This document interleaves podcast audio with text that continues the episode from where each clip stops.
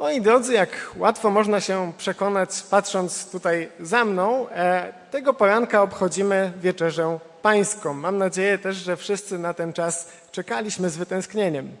I naszymi myślami i też, daj Boże, również sercami wracamy, czy też przenosimy się na Golgotę i oczyma duszy wpatrujemy się wtedy w ten stary krzyż, symbol hańby, cierpienia i mąk, jak określa go też jedna z pięknych pieśni, którą bardzo lubię. E, z tego co pamiętam, chyba była to jedna z ulubionych pieśni pastora Samuela, z tego co pamiętam. I cóż, przede wszystkim jest to kolejna okazja do tego, aby, abyśmy też przypomnieli sobie to, czego dokonał dla naszego zbawienia Pan Jezus Chrystus i też jak daleko posunął się w swojej ofiarnej miłości względem nas, umiłowawszy nas aż po krzyż. Nasz dzisiejszy czas ze Słowem będzie więc skoncentrowany przede wszystkim na Ewangelii, czyli na dobrej nowinie o darmowym ratunku, który mamy w Chrystusie Jezusie.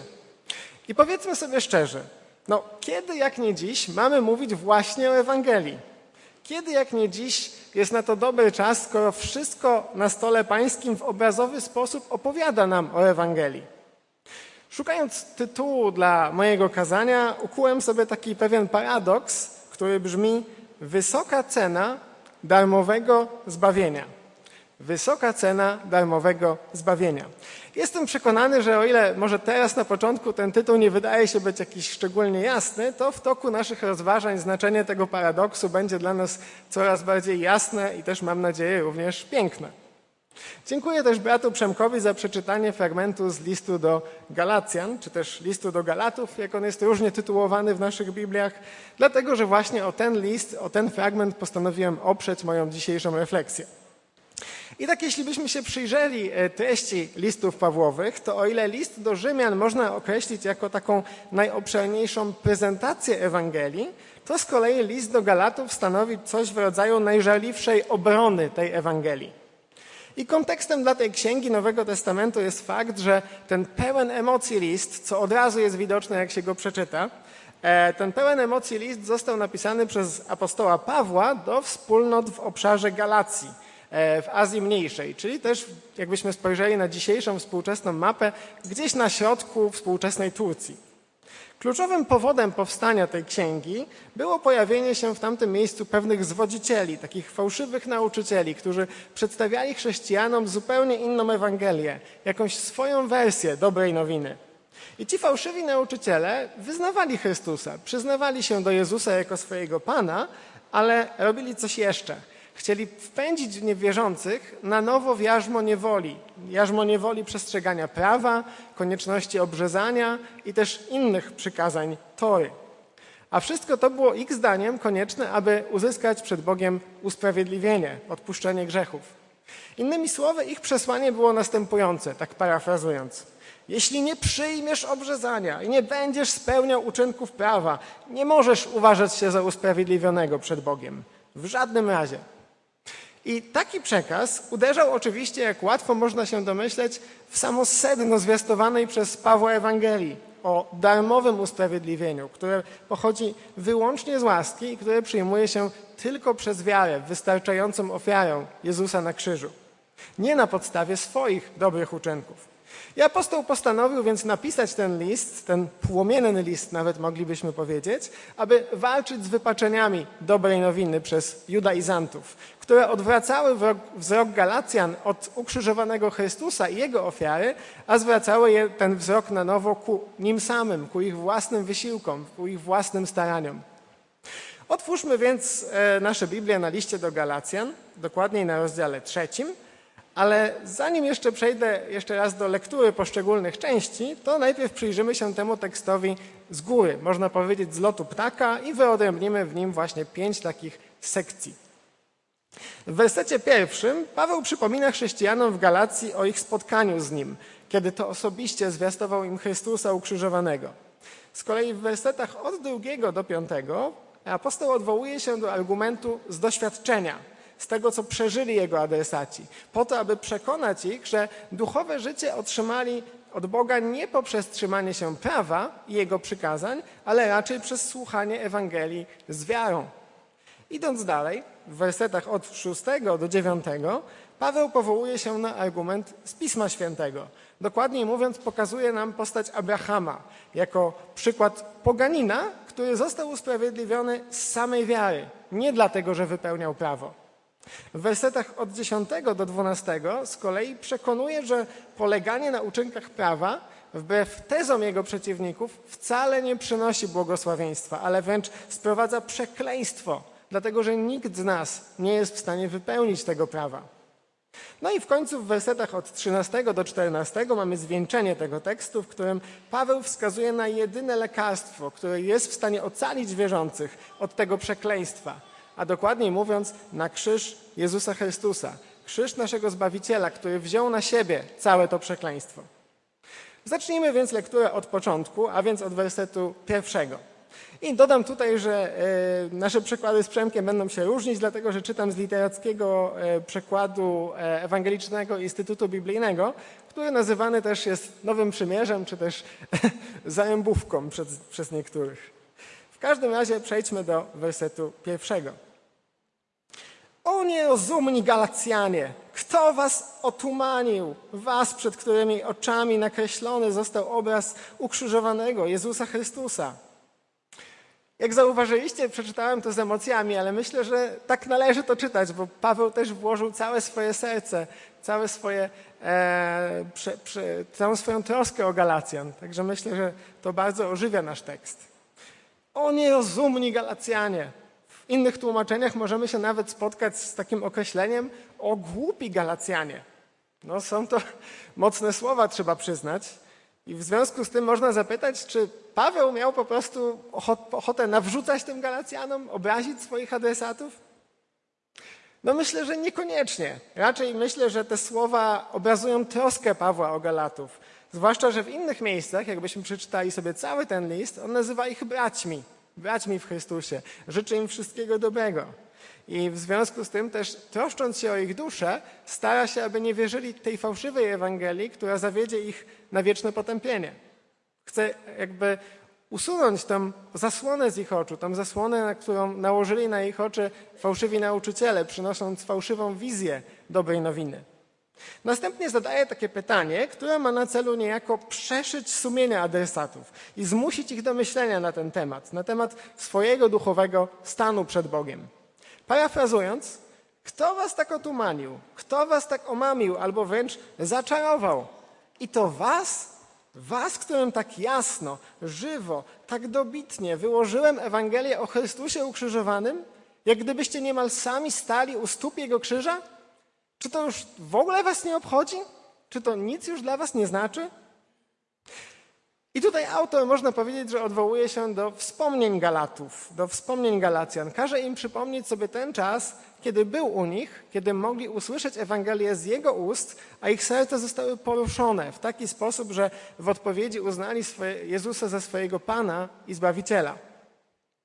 I myślę, że podobnie jak w moim przypadku, tak też w waszym życiu był taki dzień, kiedy przed waszymi oczami został wymalowany obraz Chrystusa ukrzyżowanego. I każdy z nas, jak sądzę, został kiedyś postawiony w takiej sytuacji, gdzie, mówiąc tak kolokwialnie, musiał zrobić coś z tym Jezusem. W sytuacji, w której również brak decyzji był decyzją. Drogi bracie, droga siostro, tą czy inną drogą zetknęliście się z Ewangelią. Zetknęliście się z dobrą nowiną i ją przyjęliście, więc cofnijcie się w myślach do tej chwili, kiedy wieść o ukrzyżowanym Chrystusie po raz pierwszy wywarła na was ogromne wrażenie. Kiedy po raz pierwszy zachwyciliście się krzyżem, Ewangelią, Bożym planem zbawienia.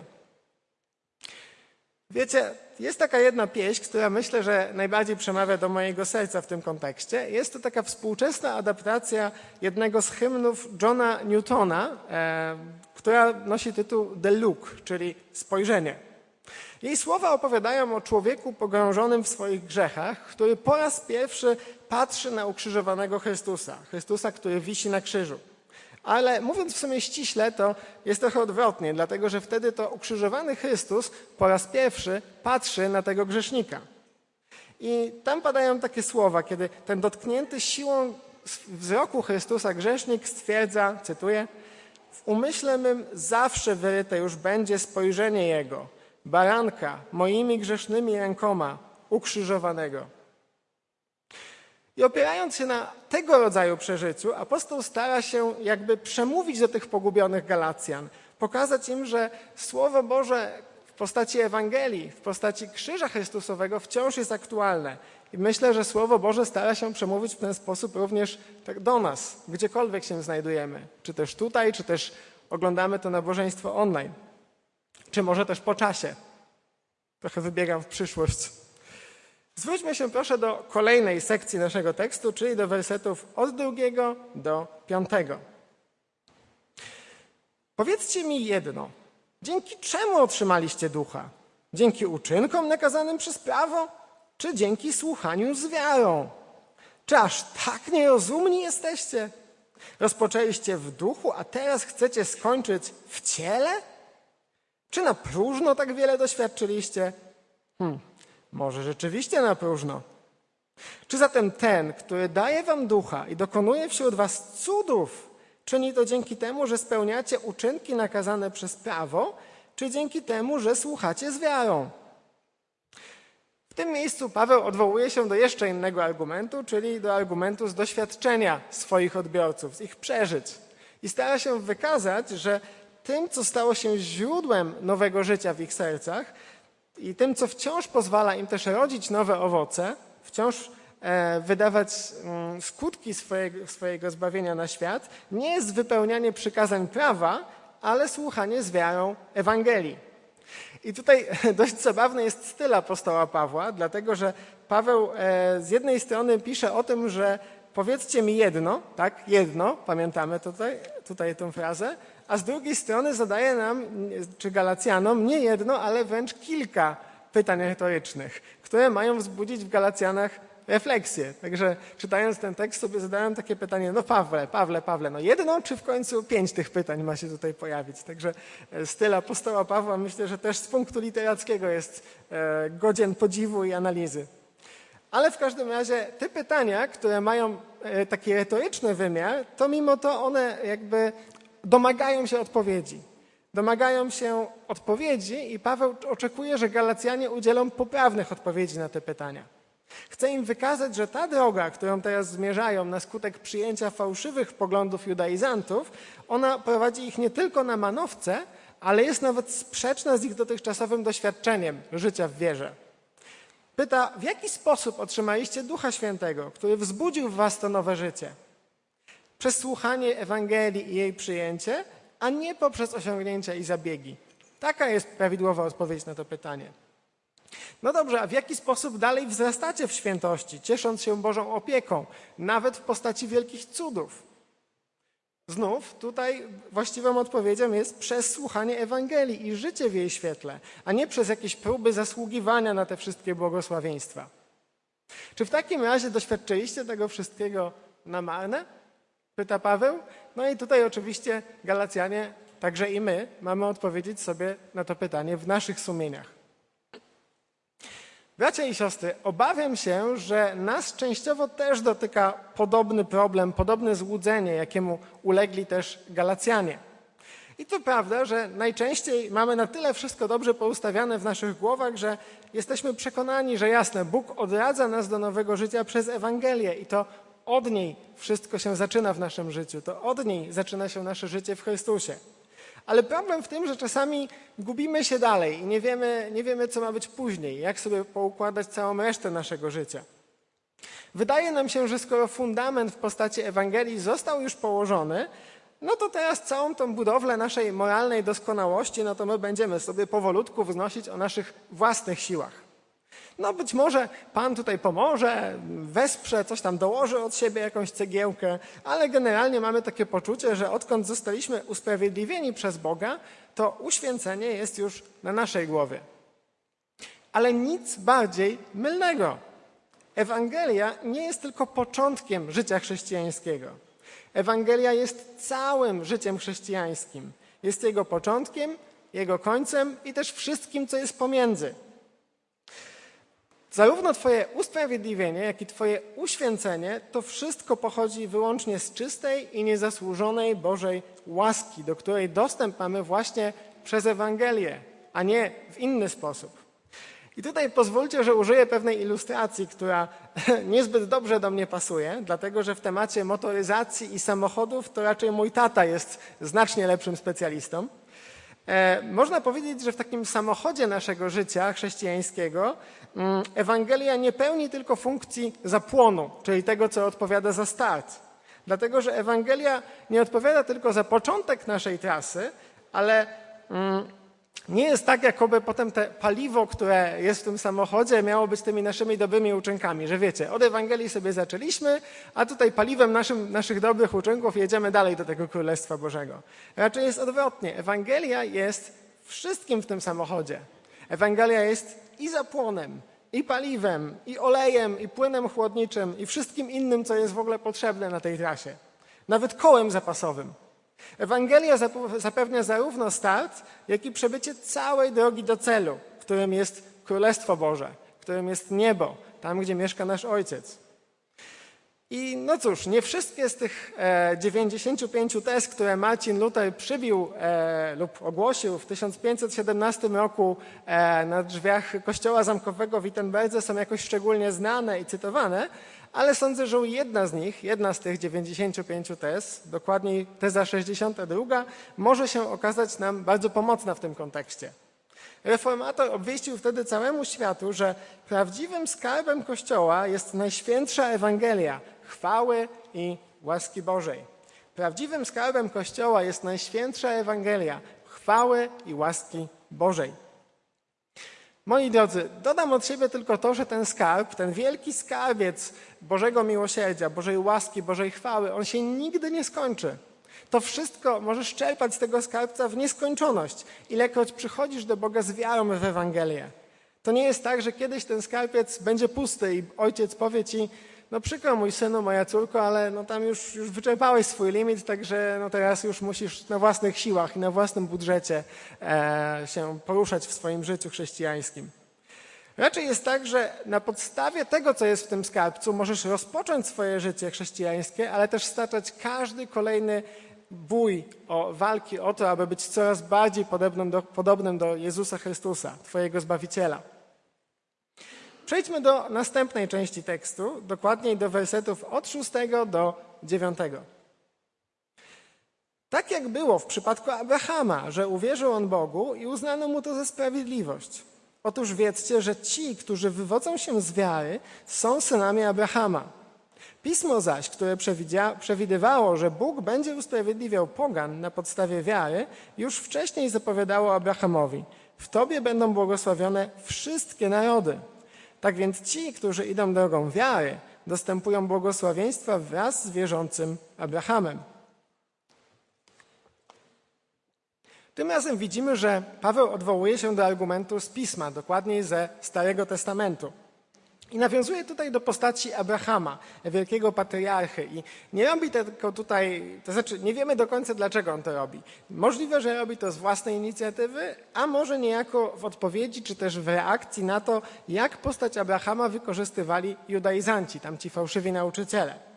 Bardzo możliwe, że zwodziciele widzieli w Abrahamie idealny przykład, który potwierdza ich tezy. To znaczy, widzieli w nim idealnego ojca wszystkich Żydów, który podobał się Bogu właśnie dlatego, że wypełnił całe prawo i przestrzegał prawa co do Joty, nawet zanim ono zostało nadane przez Mojżesza. Tymczasem apostoł, co ciekawe, widzi w Abrahamie potwierdzenie na zupełnie przeciwną tezę. Przywołuje ten ustęp z 15 rozdziału Księgi Rodzaju, który mówi o tym, że Abraham uwierzył Panu, a on poczytał mu to za sprawiedliwość. I tutaj moglibyśmy zapytać, ale kiedy się to stało? W jakim momencie życia Abrahama?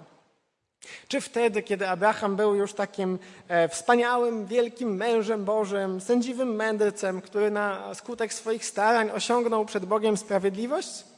No, zupełnie nie.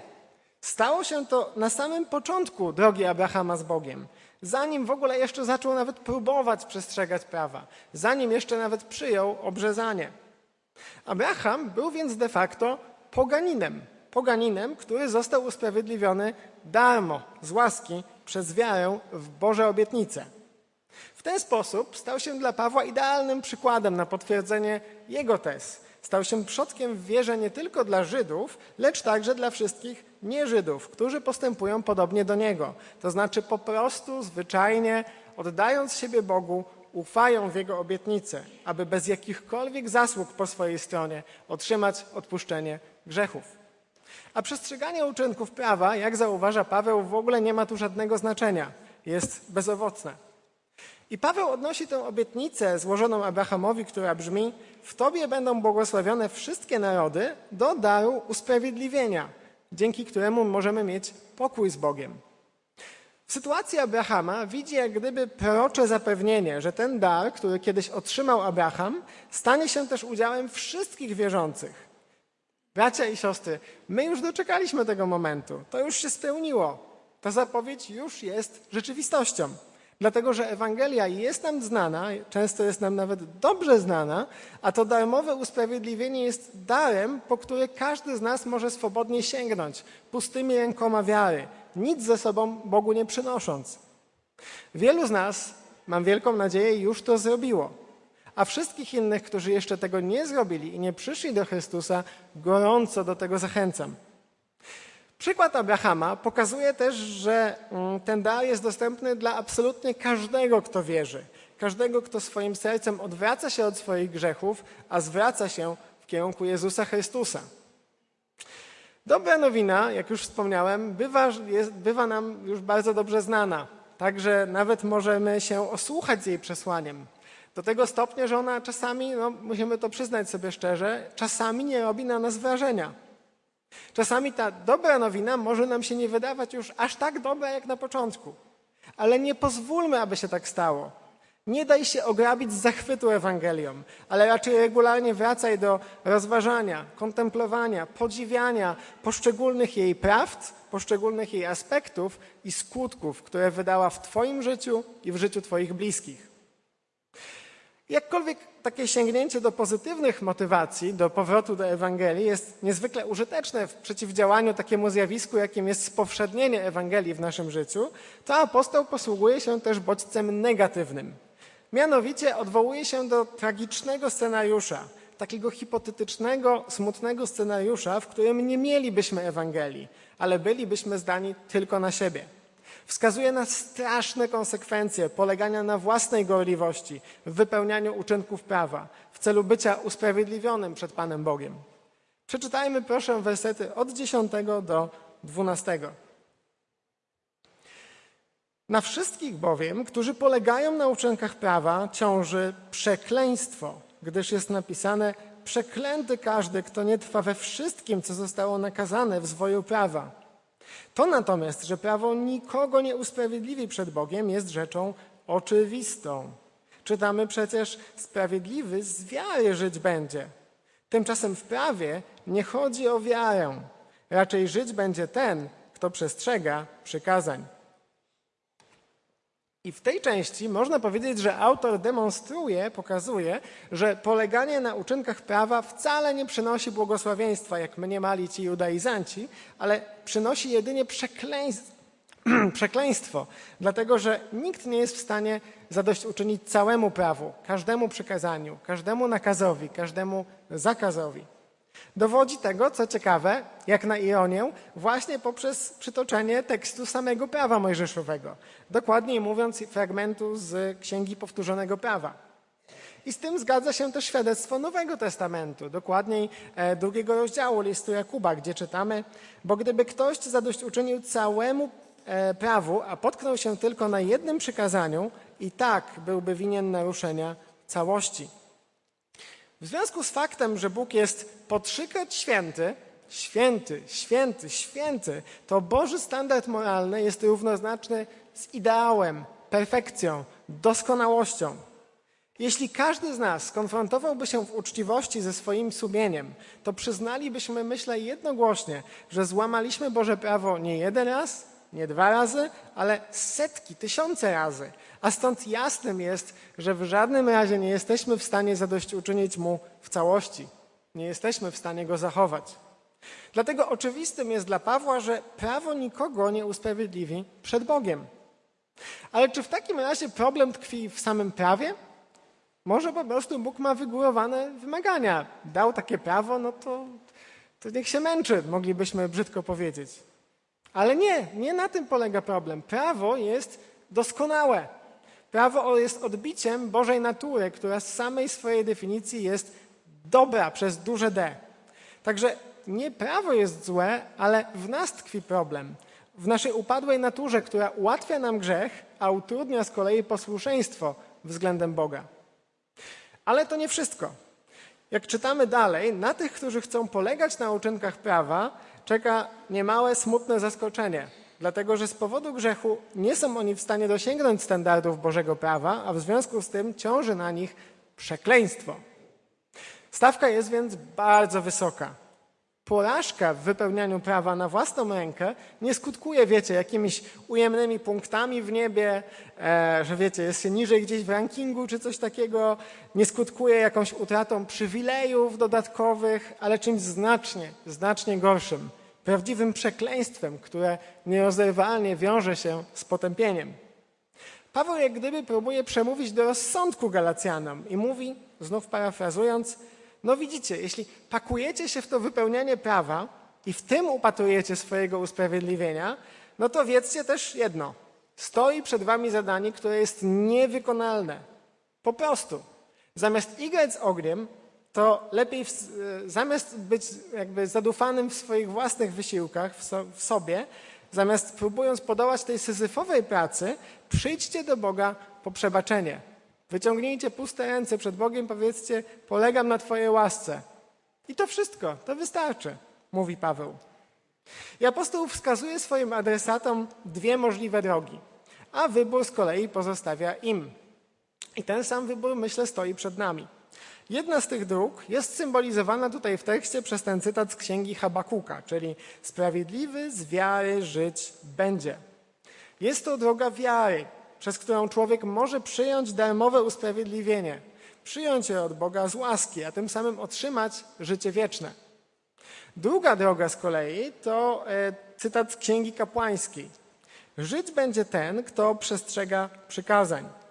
Jest to z kolei droga prawa, droga zakonu, w wypełnianiu którego człowiek musi odnieść porażkę, jak już wspomnieliśmy, i musi zostać potępiony, a tym samym udać się również niestety na wieczną śmierć. I sądzę, że praktyczną różnicę między tymi dwiema drogami dobrze ilustruje znany ewangelikalny autor John Stott. Wsłuchajmy się w jego słowa.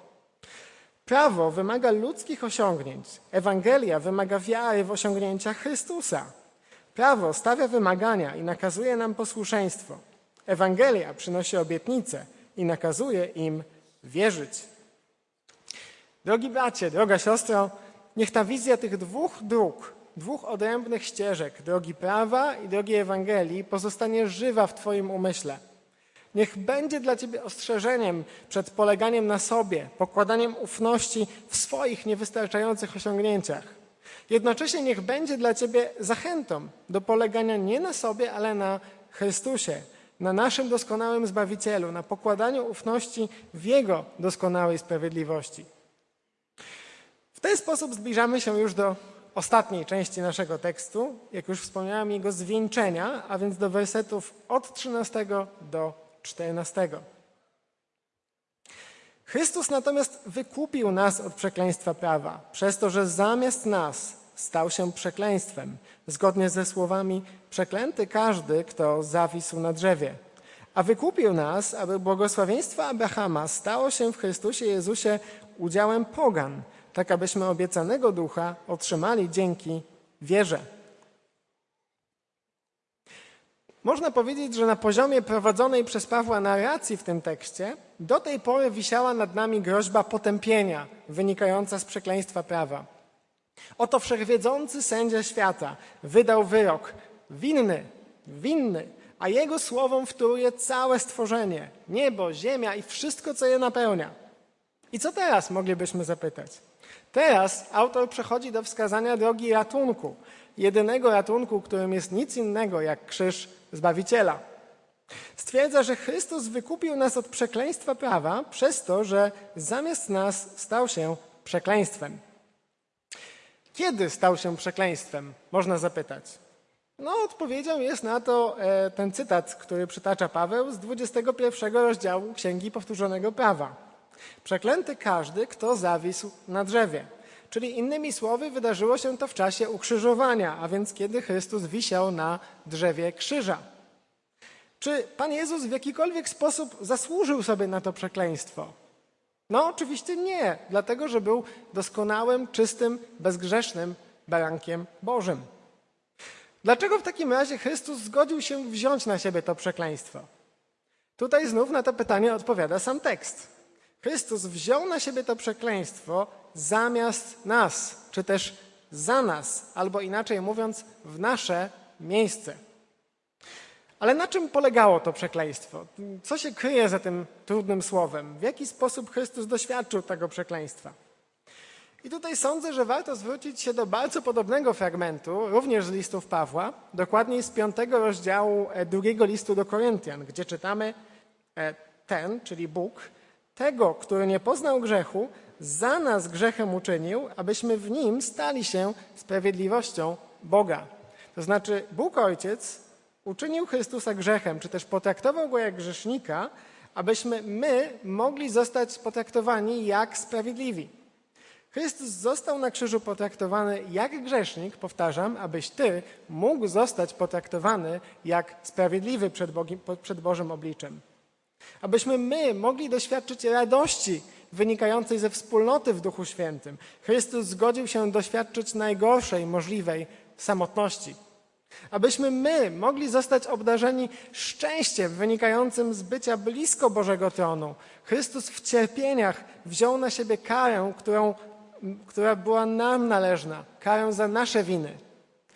I tak jak wielokrotnie wspominałem już w toku tego kazania, że Ewangelia mówi o darmowym zbawieniu, podkreślam, darmowym zbawieniu, to teraz chciałbym dodać jeszcze jedno ważne ale. Jest ono darmowe wyłącznie dla ciebie, który je przyjmujesz, nie dając Bogu od siebie nic w zamian. Ale nie było one darmowe dla Boga, który zdobył je w cierpieniach, ze względu na ciebie, ogołacając się ze wszystkiego, co miał. Jak widzimy, cena naszego darmowego zbawienia była bardzo, bardzo wysoka, a On poniósł ją w całości, abyśmy my nie musieli jej ponosić. Moi drodzy, wobec krzyża istnieją co najmniej dwie zupełnie odmienne postawy. One oczywiście tutaj nie wyczerpują wszystkich podejść, jakie można mieć, ale myślę, że te dwie są popularne. W ramach jednej z nich ludzie zupełnie się dziwią, po co niby Bóg miałby doświadczać czegoś tak potwornego, skoro mm, powód jest tak nieistotny. To znaczy, no te kilka potknięć po stronie ludzkości, no to przecież to można wymazać, można gdzieś tam puścić w niepamięć, schować pod taki dywan w niebie gdzieś tam i to tam zostanie. I, no i po co robić taki wielki deal z tego, mówiąc e, bardziej młodzieżowo. Ale trzymający się takiego posta takiej postawy, myślę, że pokazują, że nie rozumieją ani ogromu Bożej świętości i sprawiedliwości, ani doskonałości Jego prawa, ani też nie wykazują się rozumieniem powagi ludzkiego grzechu, w tym swojego grzechu, dlatego że grzech jest w istocie, w samej swojej esencji zdradą stworzenia względem Stwórcy, od którego zależymy, który daje nam życie, który sprawia, że każdy nasz oddech jest w ogóle możliwy. W takiej perspektywie grzech jest czymś poważnym przez duże P. Ale wierzę, że wśród nas w Kościele, e, wśród chrześcijan raczej dominuje inna postawa, która zasługuje nie na naganę, ale raczej na zachętę. Kiedy masz w świadomości liczbę swoich grzechów, ale też widzisz wielkość tych grzechów, czujesz na sobie ich ciężar, jesteś przytłoczony i podobnie jak Galacjanie, jakby instynktownie chcesz samemu podźwignąć to brzemię, wziąć to na siebie e, i czujesz się daleko od Boga przez, przez to wszystko, to chciałbym podzielić się z Tobą pewnym pocieszeniem. W takim stanie krzyż może wydawać się dla Ciebie mm, ratunkiem dla wszystkich oprócz Ciebie, ale myślę, że jest zupełnie inaczej. Wsłuchaj się proszę w słowa słynnego kaznodziei Charlesa Spurgeona. Niech Twoje poczucie grzechu nie sprawi, że będziesz miał niskie mniemanie o moim mistrzu. Jesteś wielkim grzesznikiem, ale on jest jeszcze większym zbawicielem. Nie musimy wypierać tego, że jesteśmy grzesznikami, ale w Ewangelii tkwi dobra nowina, która polega na tym, że chociaż nasz grzech jest naprawdę wielki, to Chrystus jest jeszcze większym zbawicielem, dużo większym niż moglibyśmy sobie wyobrazić. I tego się, bracie i siostro, trzymaj. Moi drodzy, ponieważ zmierzam już do końca mojego kazania, a jak wiecie z dotychczasowego doświadczenia, kiedy ja mówię, że kończę, to ja naprawdę kończę. Nie jak czasami jest taką, takie memy są z kaznodziejami, że wiecie, mówią, że kończę, a potem jest jeszcze 40 minut i tak czują się ludzie oszukani. Nie, ja naprawdę kończę, a w związku z tym chciałbym podsumować ten czas, który razem spędziliśmy. Zobaczyliśmy przez lekturę tego tekstu, jak wierzę, że wszelkimi środkami, z niesamowitą troską, ale też przy użyciu mocnych słów, jeśli trzeba, Paweł zabiegał o duszę Galacjan. Widzieliśmy, jak naprostowywał tą fałszywą wizję, którą zostali omamieni, fałszywą wizję Ewangelii. Przekonaliśmy się, że odwoływał się do naprawdę wielu argumentów. Do czasu, kiedy słyszeli Ewangelię z jego ust, do ich osobistego doświadczenia życia w duchu, do świadectwa pisma na temat Abrahama, ale też do faktu, że grzeszny człowiek nie jest w stanie wypełnić prawa, bo sprowadza to na niego przekleństwo. No i w końcu przede wszystkim zobaczyliśmy, że apostoł skierował swoich podopiecznych nie w stronę ich własnych możliwości na osiągnięcie ideału, ale w stronę Chrystusa i Jego dzieła na krzyżu. No i jakkolwiek mam nadzieję, że każdy y, po drodze mm, wyciągnął sobie coś z tego kazania, coś przeszyło jego serce i coś zabierze ze sobą e, na resztę tego tygodnia, to chciałbym, że jeśli mielibyśmy coś zapamiętać, to chciałbym, aby były to właśnie te dwie kluczowe myśli. Po pierwsze, wiara w Ewangelię nie jest jedynie początkiem życia chrześcijańskiego. Wiara w Ewangelię jest życiem chrześcijańskim. Ewangelia stanowi dobrą nowinę nie tylko dla niewierzących, ale także dla wierzących, dlatego że jest nigdy nie wysychającym źródłem Bożego ratunku, pocieszenia, pokoju, motywacji i zachwytu. Każdego dnia wracaj więc do Ewangelii. I druga refleksja, chociaż usprawiedliwienie jest darem, który otrzymujemy zupełnie za darmo i po który także Ty możesz sięgnąć, to miało ono bardzo wysoką cenę, którą zapłacił za nas nie kto inny jak nasz Pan, Jezus Chrystus. Na krzyżu Twój Zbawiciel umarł, abyś Ty mógł żyć. Wziął na siebie przekleństwo, abyś Ty mógł otrzymać błogosławieństwo. Doznał odrzucenia, abyś Ty mógł doświadczyć akceptacji. Nie zlekceważ więc tak wielkiego i tak drogiego zbawienia. Mam nadzieję, że teraz już rozumiemy ten wielki paradoks, który jednak mimo że brzmi tak dziwnie, jest rzeczywistością. Wysoka cena darmowego